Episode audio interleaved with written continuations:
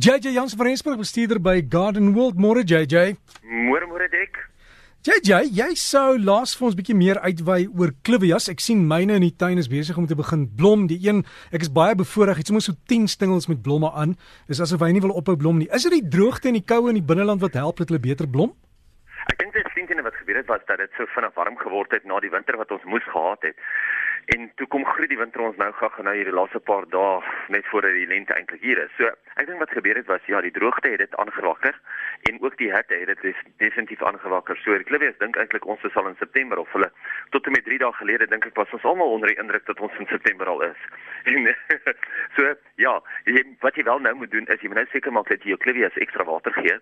Uh is saam met jou vrugtebome want as hulle nie nou gaan ekstra water kry nie, gaan hulle nie nou pragtig begin blom nie. Hulle moet nou begin knoppe stoot en sonder daai water gaan dit nie gebeur nie. Sraak JJ en ons moet kyk vir die goggas en goed, maar ek dink die koue sal hulle darm so 'n bietjie wegjaag vir 'n rukkie. Ja nee, definitief. Dit is wat dit nou vir ons so lekker maak, net om hierdie vinnige snerpie koue net te kry, net om al daai goggas en daai siektes net eers van ons slaat te raak en dan kan die lente maar kom. Dan kan ons maar in volle vaart in die somer invaar. Ludwig Venter in Kimberley, hy sê hy het hierdie stryd op die oomblik in sy tuin. Uh, wel, hy sê dis amper 'n resies want hy het willegras en kikoejo wat te mekaar groei. Wat een gaan wen? Dink jy nie die willegras, nie die kikoejo nie. kikoejo is 'n lei grasperk. Dit behalwe daar waar jy nooit wil laat groei nie. Daar groei laat dit bars maar die res van die tyd is eintlik baie moeilik om hom regtig mooi te hou. En hy vat hy vat baie keer baie meer moeite as wat 'n mens dink. Maar ek dink die willegras van definitief hierdie ene wen. Hm. en Kikuyu dit kom ons van is dit nie van Kenia af nie die Kikuyu uh, stam wat daar woon kom in hulle gebied voor is dit korrek? Ek sê seker waar die Kikuyu vandaan kom nie maar ek weet jare gelede uh die storie lei dat hy was ingevoer gewees as beesvoer. Mense het gedink ja. dat die die ou boer het gedink hulle gaan hom kan inbring as beesvoer en dat hy eintlik baie goed gaan werk as 'n beesvoer en toe het hy nooit goed gewerk as 'n beesvoer nie. En dit is so wat ons hom net oorgevat het as 'n as 'n graswerk. Um en hy's nie 'n baie gewilde graswerk in die res van die wêreld nie, maar in Suid-Afrika is hy nog steeds 'n baie gewilde graswerk. Dis moet jy as hy oorneem, kyk jy kry hom nie uitgroei nie, nie baie maklik nie is altyd so, net daar waar jy nie wil hê waar jy moet wees nie. En JJ as jy gras sny, daai snysels wat jy in die tuin gooi, as dit kokojos en goed, kan dit weer groei of nie? Ja, interessant dat as jy die blare, die blaargedeelte van die uh, gras in die beddings gooi, sal hy nie weer groei nie. Nee, maar as jy die stamme in die beddings groei, gooi, dan kan hy weer groei. So 'n mens moet altyd versigtig wees dat jy meer gereeld jou gras sny om meer net die blaar weg te sny en nie regte stamme te sny nie. Want sodra jy stamme sny en dit in die beddings gooi gaan jy 'n probleem hê dat die stamme wel gaan wortel skiet. So dit is nie 'n goeie ding nie maar die blaar in die beddings gooi sonder om hom in te werk. Hy moet daar lees 'n deklaag ongelooflik goed glad nie 'n probleem nie.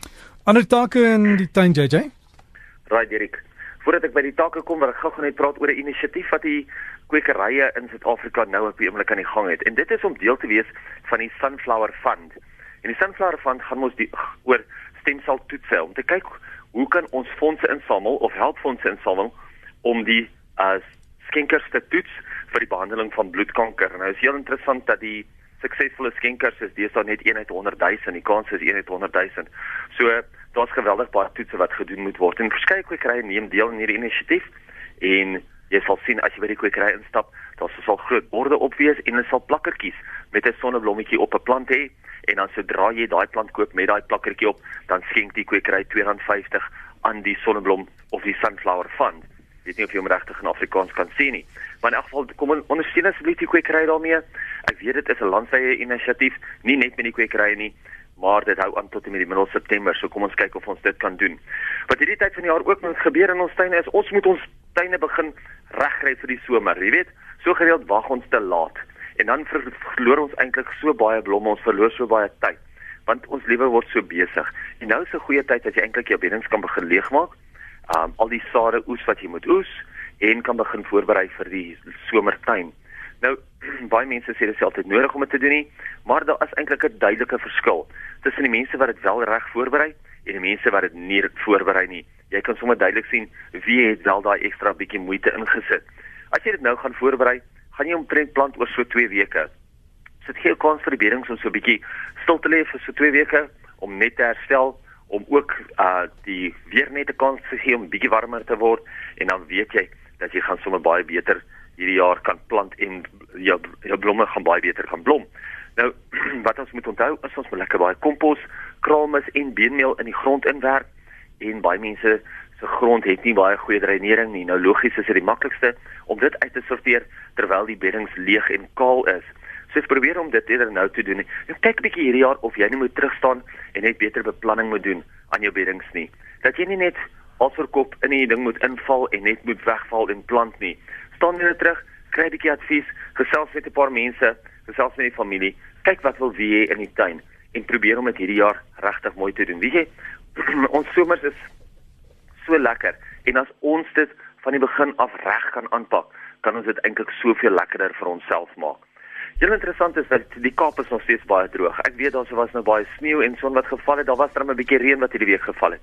Maar kry nog steeds vrae van mense uit die Kaap uit om te vra, kan ek my grijswater op plante gebruik? En die antwoord is ja. Jy kan jou grijswater op jou plante gebruik. Onthou net dat 'n mens moet probeer om grijswater te gebruik wat nie baie sterk seepe in hom het nie want daai seepe gaan nie net jou plante nie, maar gaan ook die grond affekteer. So probeer om jou grijswater so te gebruik dat jy dit nie konstant op dieselfde plek gooi nie. Probeer om dit af te wissel met gewone water, maar gebruik jou grijswater en hou jou plante aan die gang.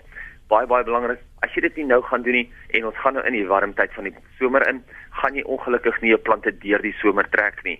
So totdat jy lekker reën gekry daaronder, totdat jy weer mag julle tuine nat maak, gebruik die grijswater, gebruik alles tot jou beskikking. En jy Ekskuus JJ. Ja. Ja, um, ons skou is nog aan die by Gardenwold. Baie mense bel my en vra wat is die koste om in te kom? Jy is welkom om deur te kom. Dis R30 per persoon. Dan kry jy skou tydskrifie en is ongelooflik lekker tyd om nou deur al die tuine te gaan. En ons moet ook ons vrugtebome begin snoei en spuit, JJ. Vrugtebome moet klaar gesnoei gewees. Uh, uh, klaar gesnoei wees, jammer. maar ons gaan hom definitief een van die dae se draai um, klaar begin bot het, klaar begin bloei het, gaan ons begin spuit. So dan gaan ek seker so 'n week of twee gaan ek daaroor begin gesels. So gesels JJ Jans van Rensburg, hy's by Gardenwold. Sy e-pos is jj by gardenwold.co.za. Jj by gardenwold.co.za.